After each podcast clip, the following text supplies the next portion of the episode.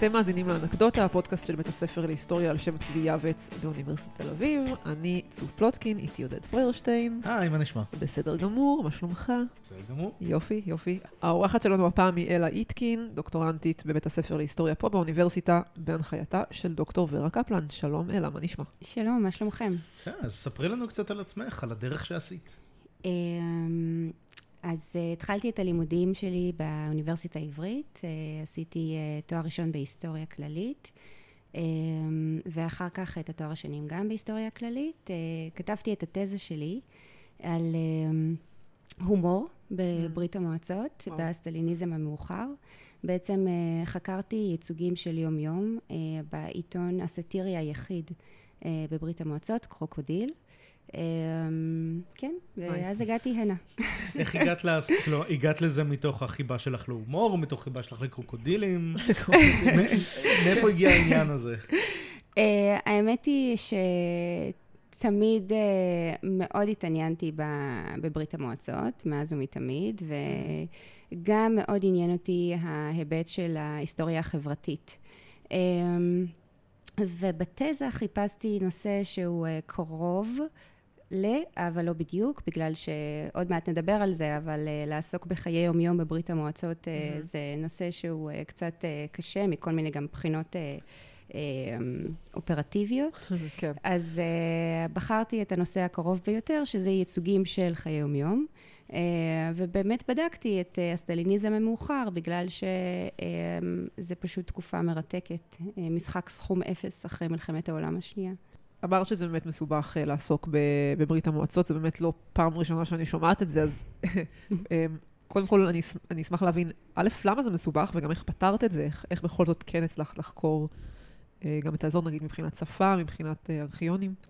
אוקיי, סליחה. אז uh, אני שולטת בשפה מהבית. Uh, um, עלינו ארצה ב-91, Mm. אז מבחינת הידיעה של uh, קרוא וכתוב ודיבור uh, לא הייתה בעיה. Um, אבל באמת מבחינה של uh, השגת החומרים, uh, זו בעיה מאוד גדולה לחוקר שהוא לא מתוך רוסיה.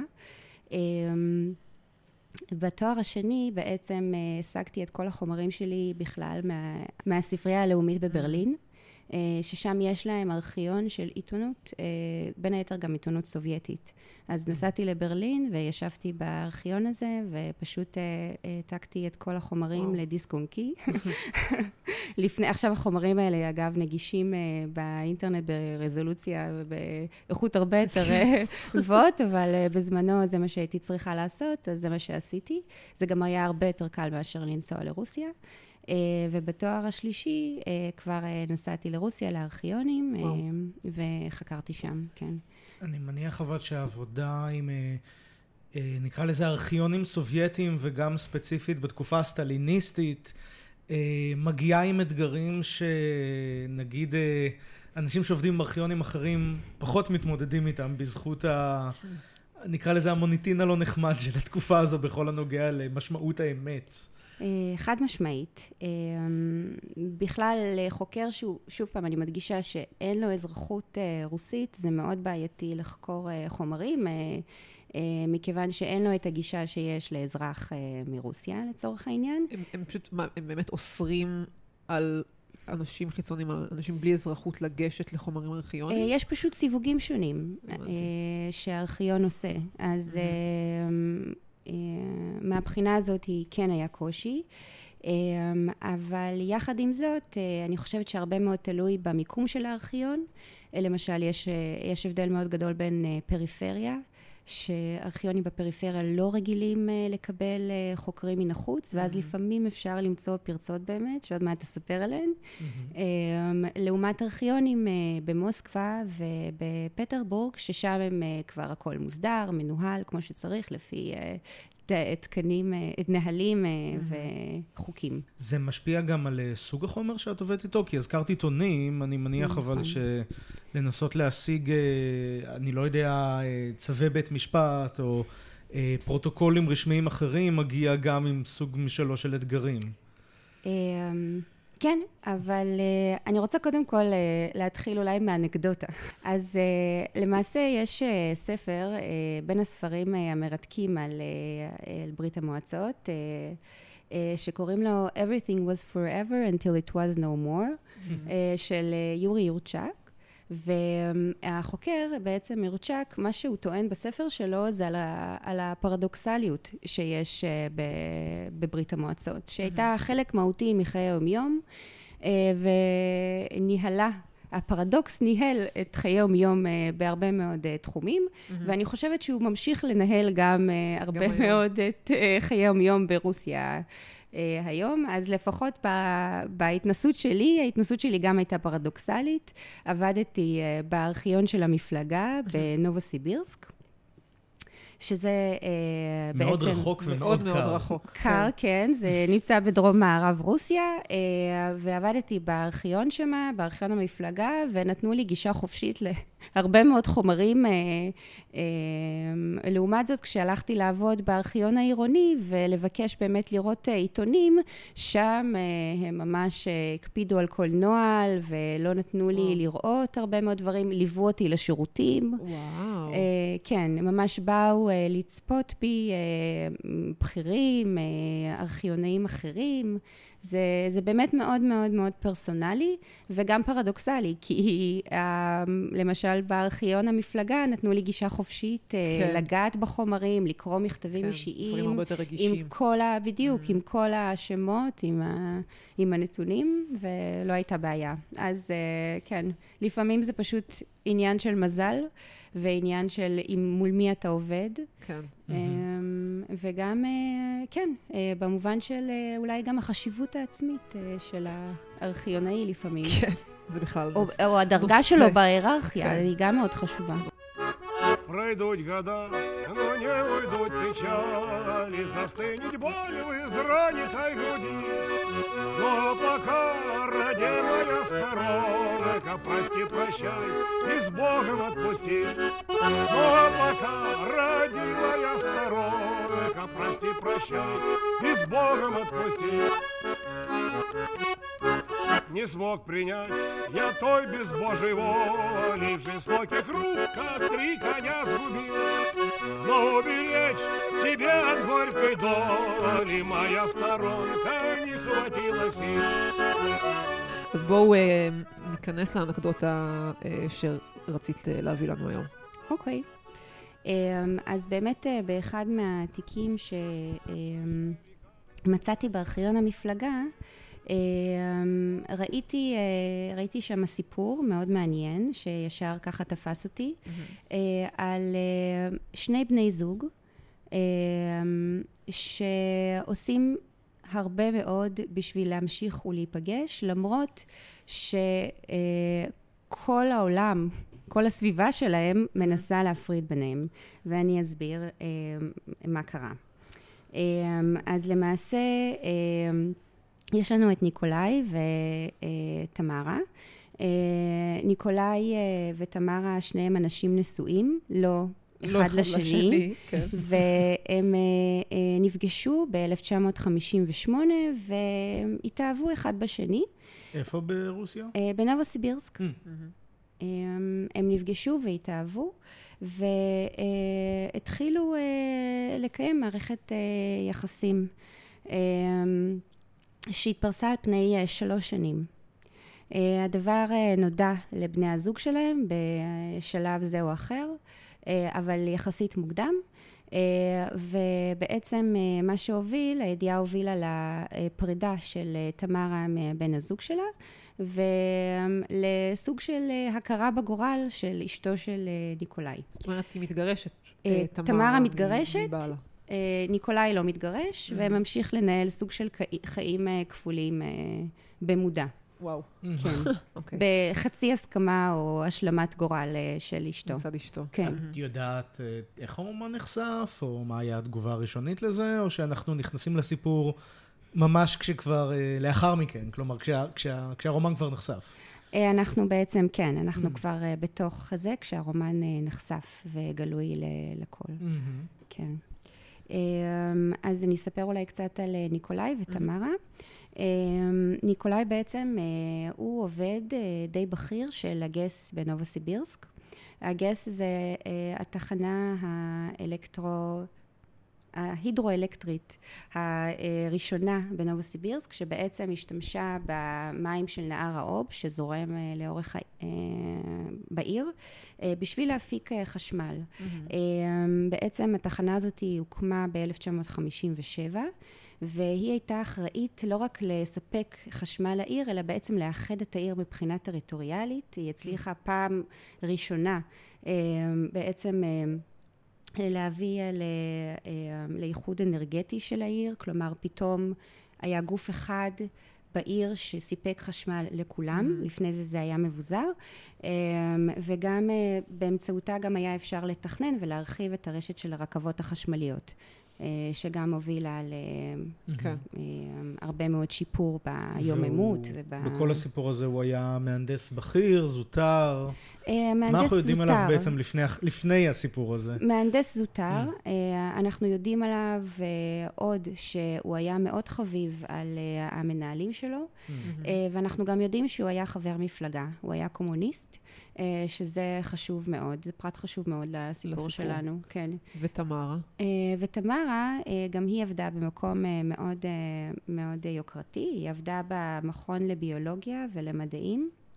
המכון הניסויי אה, של האקדמיה למדעים, אה, וזה גם מכון מחקר שהוקם ב-1957, אה, והיא הייתה עובדת שם כאחות, היא הייתה עושה ניסויים. זה מה שידוע. גם היא הצטיינה בעבודתה, היא קיבלה ציון טוב, נגיד ככה, מהמנהלים שלה, בכל הנוגע להתנהלות המקצועית שלה. ואנחנו יודעים איפה הם הכירו? הם לא עובדים יחד? אנחנו לא יודעים איפה הם הכירו, אנחנו כן יודעים שהייתה ביניהם היכרות קודמת, גם מבחינה של המשפחות. כן. לניקולאי ולתמרה, אה, לשניהם היו אה, בנות אה, שהיו חברות, אז אני משערת שיש אולי גם... קשר כזה. כן, קשר כזה, שאולי דרך הבנות הם הכירו.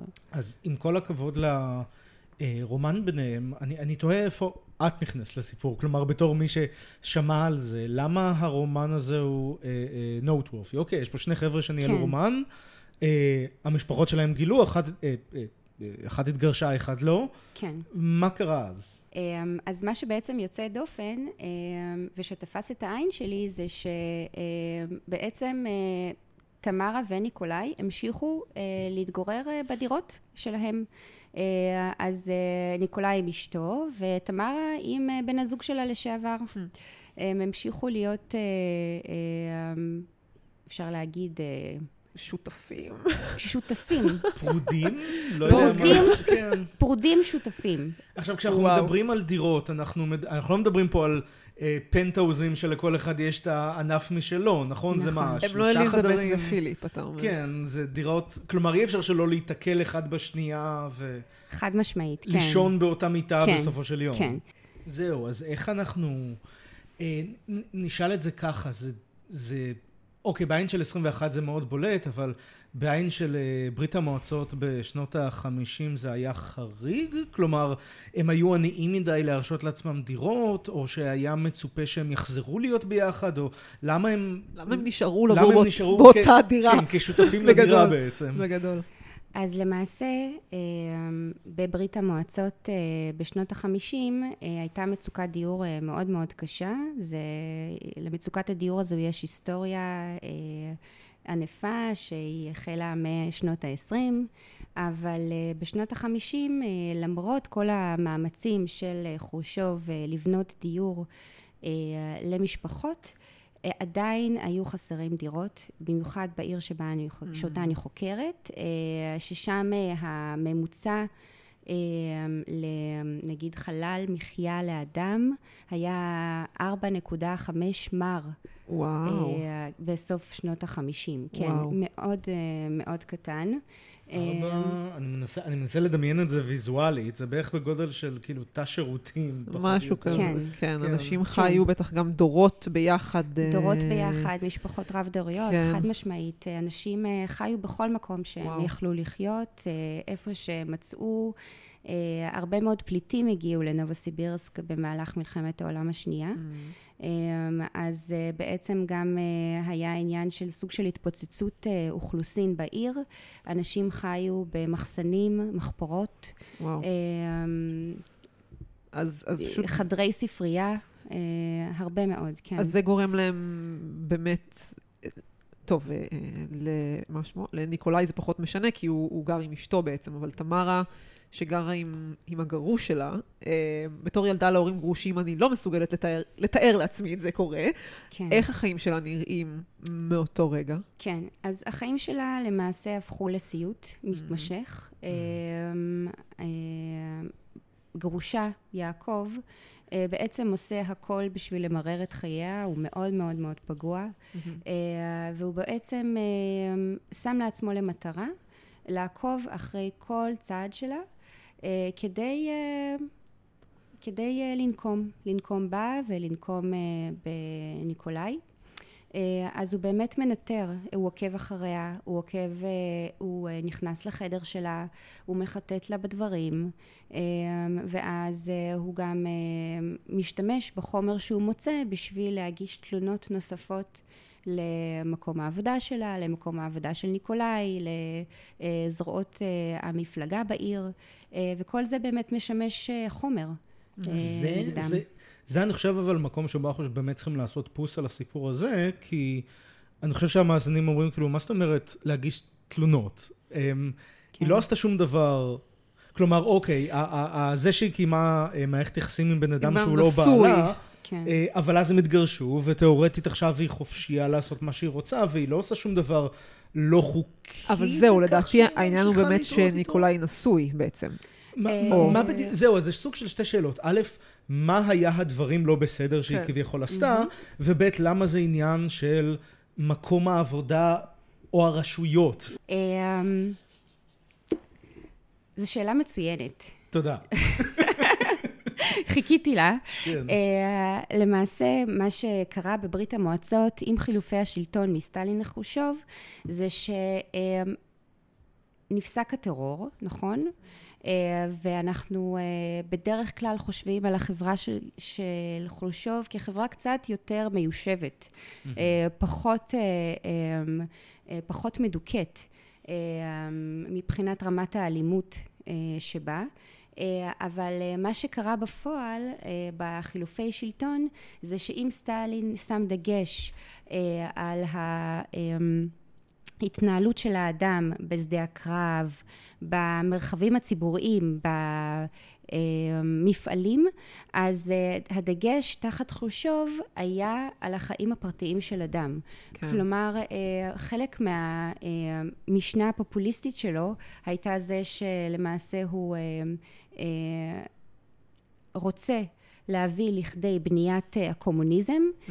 על ידי ההשתתפות של הציבור בבניית הקומוניזם. לא בכוח, לא דרך אה, מערכות אדמיניסטרטיביות, אלא דרך האנשים עצמם, זה חייב לבוא מרצונם החופשי. ולכן כן.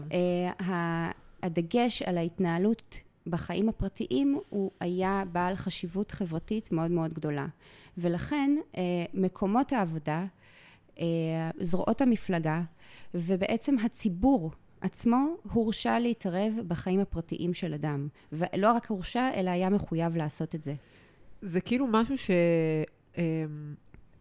אמ, אותי בתור בן אדם של, אני מכירה אה, קומוניזם באופן כללי, מעולם לא חקרתי את זה, זה נשמע לי מאוד, מאוד הגיוני, וגם אה, אני חייבת להגיד שחשבתי שככה זה היה גם קודם, תמיד תפסתי את המשטרים האלה בכלל בתור משטרים שמאוד מאוד נכנסים הביתה ומנסים גם לחנך את האזרח במוסר.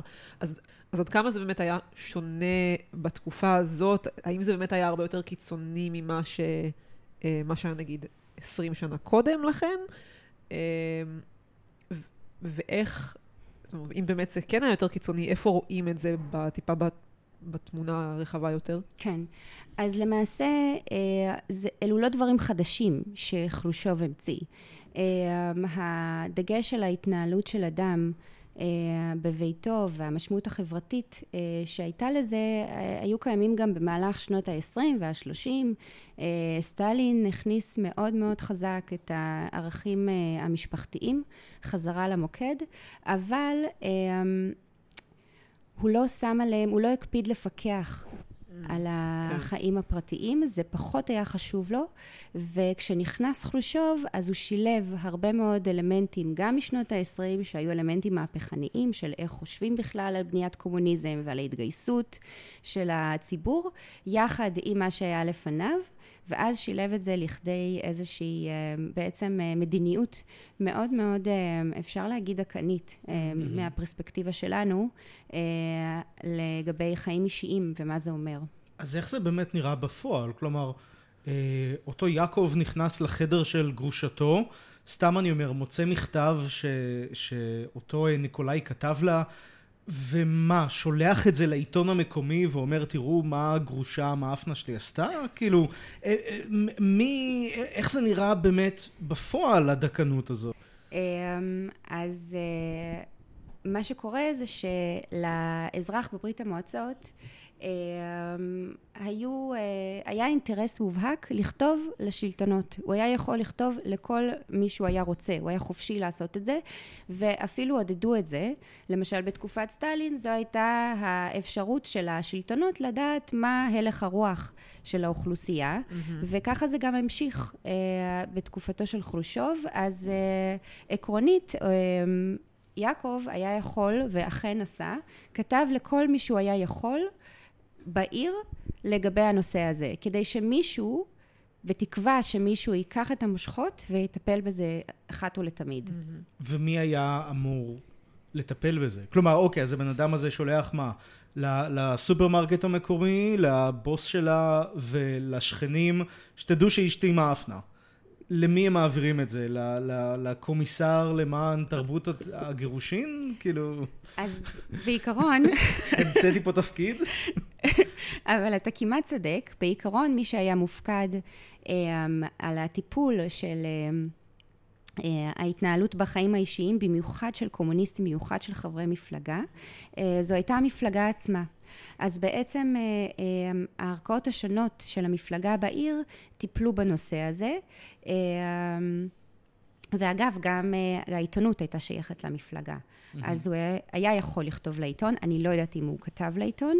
מה שיש לי uh, זה בעצם uh, uh, המכתבים שלו שהוא כתב uh, לתא המפלגתי בעבודה mm-hmm. של uh, תמרה, לתא המפלגתי בעבודה uh, של ניקולאי, um, וגם uh, לזרועות המפלגה בעיר ובמחוז. שזה בעצם ערכאות מאוד מאוד גבוהות. אה, והפרטים הקטנים שהוא נכנס אליהם זה באמת אה, גם משהו שמאוד מאוד תופס את העין. הוא מפרט שמה, אה, למשל, שיום אחד הוא נכנס למטבח והוא מצא שעון זהב. Hmm. אז הוא כותב למזכיר הראשון של האופקום, שזה הזרוע המפלגתית המחוזית, הוא מבקש ממנו, בבקשה תברר של מי השעון הזה, בגלל שאני חושב שהשעון הזה שייך לניקולאי, וזו הוכחה שהם עדיין נפגשים. זהו, ולמה, כן. ונגיד שהם נפגשים זה לא בסדר כי ניקולאי עדיין נשוי? אז למעשה אה, מה שקרה אה, זה שב-1960 אה, ניקולאי הועמד לדין משמעתי mm. בעבודתו בגס, בתחנה ההידרואלקטרית. ונרשמה לו הערה בתיק האישי. נערה, הערה שתלך איתו לכל אורך השנים שלו, לכל דרכו המקצועית. אה, ההערה הזאת, זו הייתה הערה חמורה בדבר התנהגות לא מוסרית ולא קומוניסטית מצידו.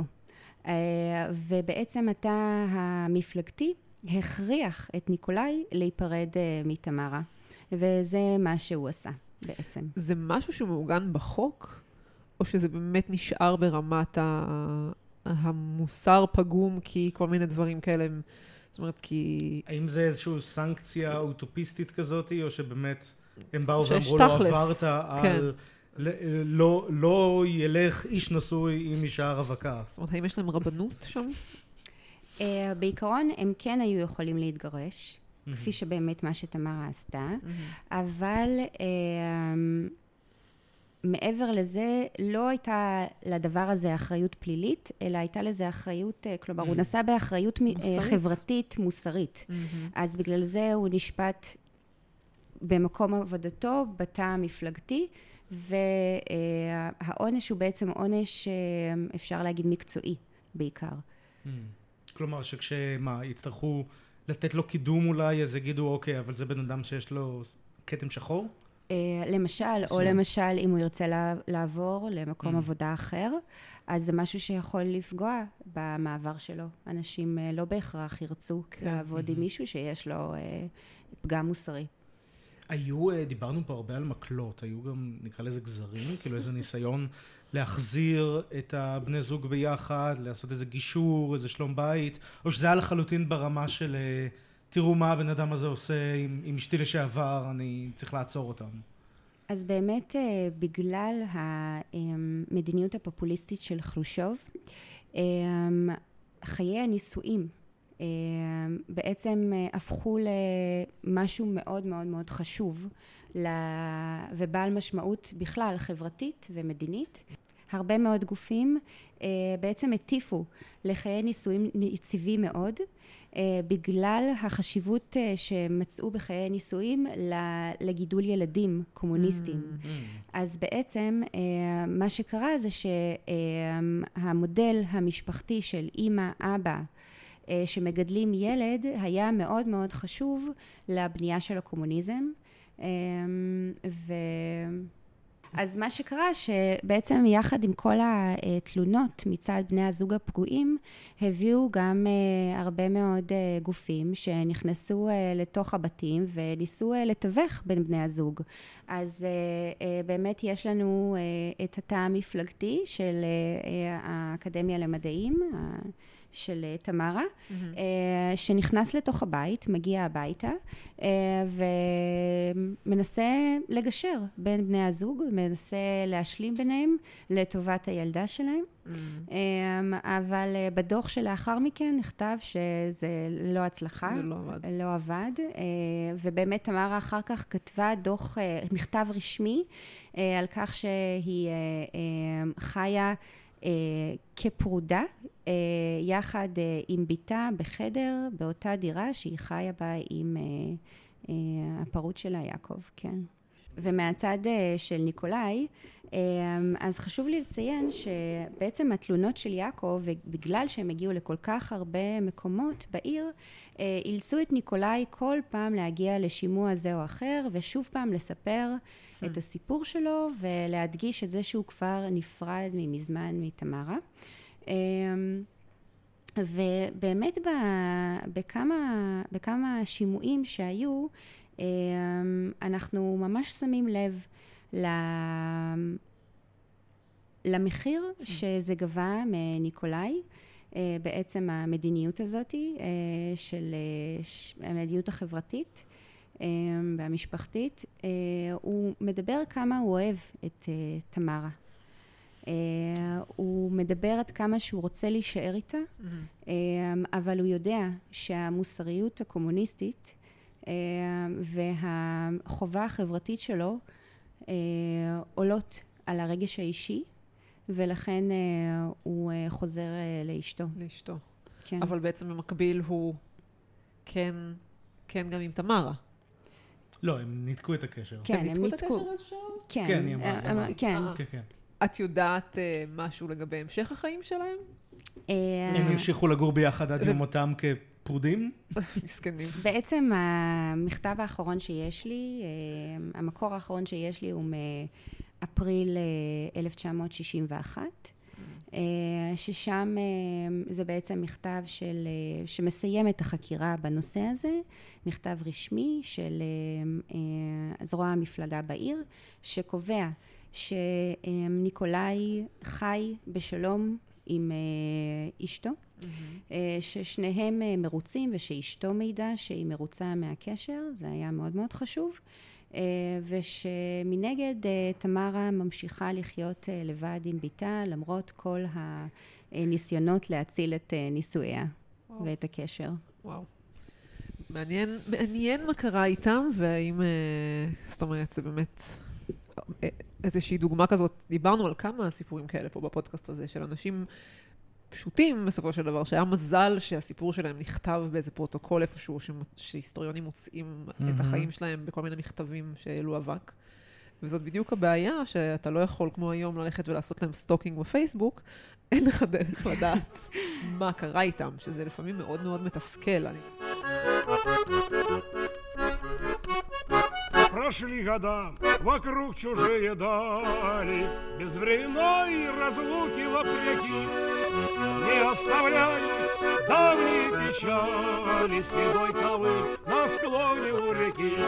Не оставляют давние печали Седой ковыль на склоне у реки.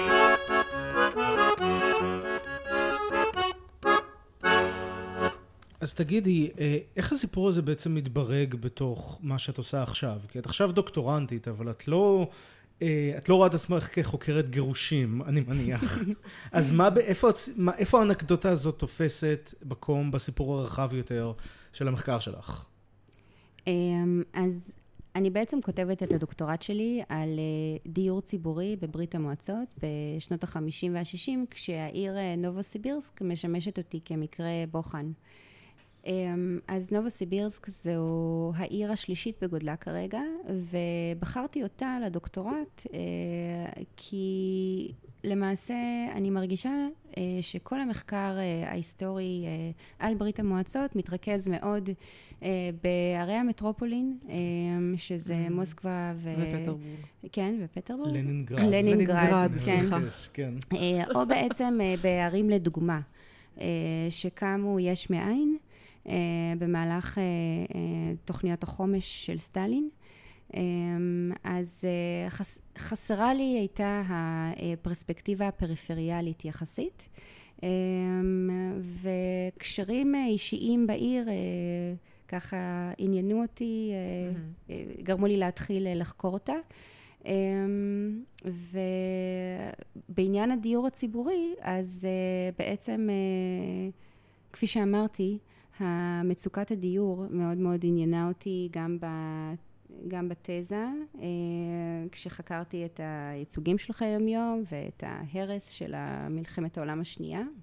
ו- וכמה באמת זה מקרה מייצג? כלומר, אה, אה, שני אנשים שחיים ביחד למרות שהם... שונאים אחד את השני. כן, שהם ו- גרושים והבעל אקטיבית ממרר לאשתו את החיים. זה אחד מיני רבים בכל הנוגע לדיור הציבורי, או שזה באמת איזשהו קוריוז שמצביע בעיקר על מצוקת הדיור, אבל לא יותר מזה? אמ, תראה, בדוקטורט שלי אה, אני גם מראיינת אנשים, אמ, אז אה, שאלתי לגבי זה את המרואיינים שלי. ואחת התשובות המעניינות שקיבלתי היא שאנשים פשוט לא היו מתגרשים. כלומר, אה, המחקר, אה, דווקא המחקר ההיסטורי על גירושים אה, בברית המועצות, הוא כן רואה עלייה מאוד חדה בגירושין למרות המאמצים של חולשוב, דווקא בשנות החמישים. אבל שוב, אני חושבת שה, שהעלייה הזאת נמצאת יותר בערי הבירה, בערי המטרופולין, אה, ובמקומות פריפריאליים היא פחות ניכרת. אה, גם בגלל שהאוכלוסייה עדיין הייתה אוכלוסייה מסורתית, היו שם הרבה מאוד איכרים שהגיעו לעיר, אה, הייתה השפעה דתית אה, על חלקם.